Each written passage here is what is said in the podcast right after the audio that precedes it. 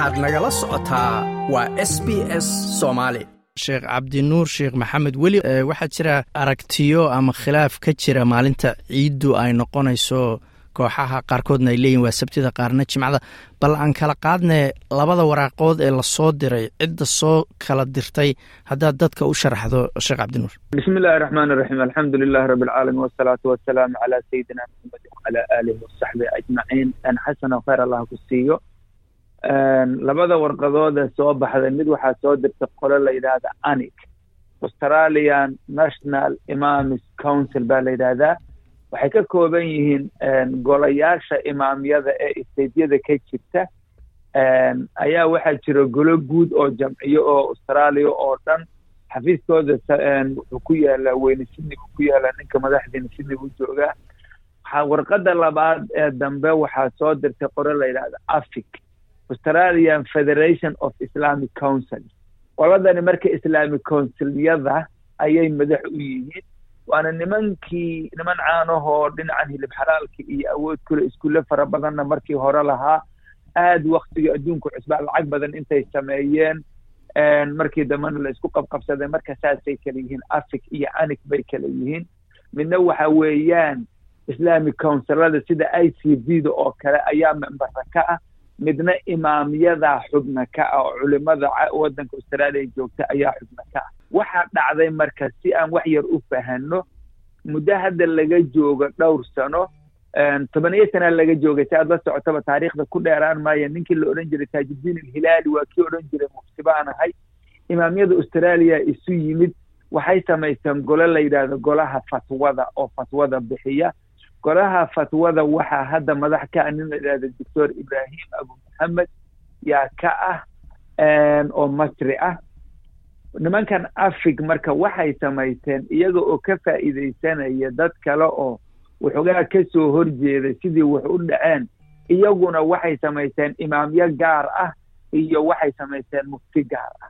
Marka waxay iyaguna sheeganayaan inay mufti leeyihiin qoladan imaamyada oo yani taqriiban imaamyada oo dhan wax yar mooyaane ay ku jiraan mufti laba warqadood marka labadaa qolo oo uu ka dhaxeeyo belton siyaasadeed iyo yaa hogaaminaya diinta austraaliya ah uu ka dhaxeeyo ayaa ayay yaa warqadaha soo kala diray waa gartay. Marka sheekh cabdinuurow kan hore oo ay imaamada ama golaha imaamadu soo saareen dhowr iyo toban maalmood ka hor maxay ku saleeyeen midka cusuboo laba maalmood ka hor ay soo saareen groupkan kalese maxaa lagu saleeyey keese? Dadkeenu ay raacayaan.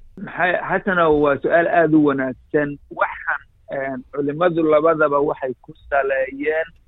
Inkastoo iyaga xurgub siyaasadeedi ka dhaxaysa mas'alada mid waliba waxay ku salaysan tahay daliil xagga diinta ah oo fiqhiga ilan.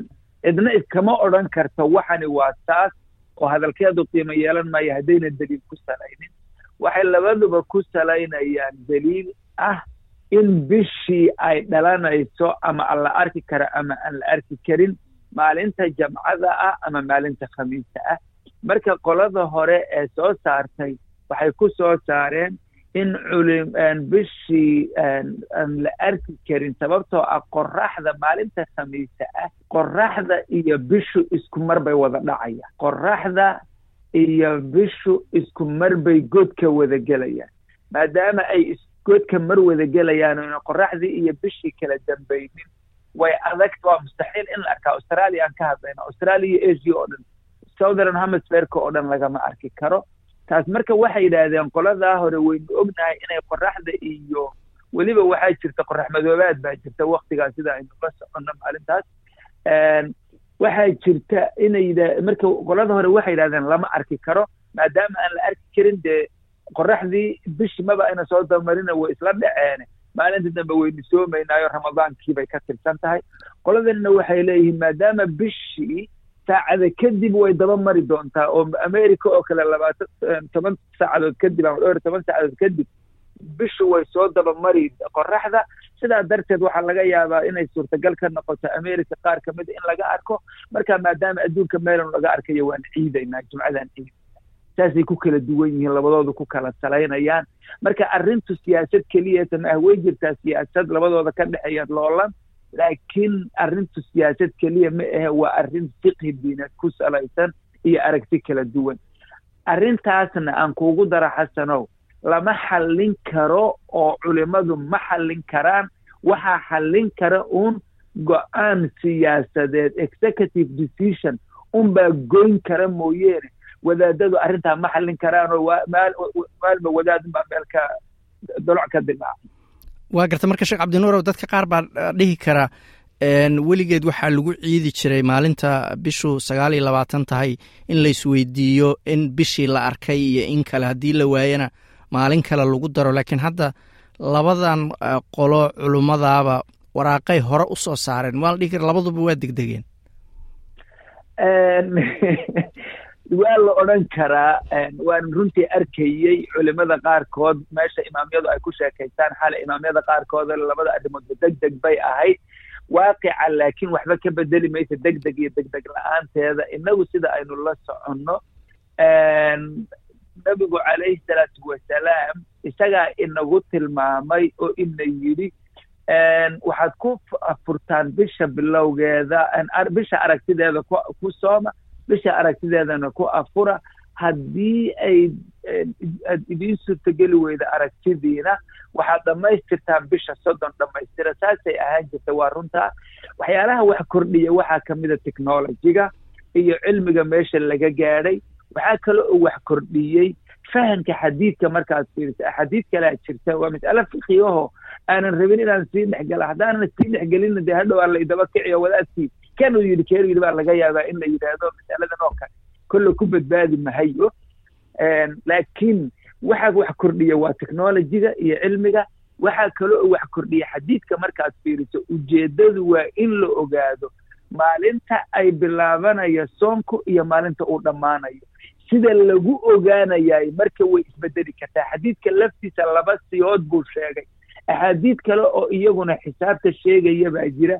Mas'aladani waa mas'alo culimmadu muddo dheer ee boqolaal sanaa laga soo doodayay ee mas'alo innaga hadda inagu cusub ma aha diinta kuma cusba.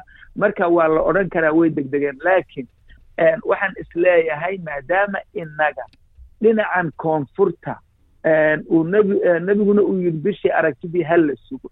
Aragtidiina ay mustaxiil tahay culimmadu dadaal ahaanba waxay yidhaahdeen aynu qaadano maalintaa jimcada aynu iska soonno oynu deedna sabtida aynu ciidno.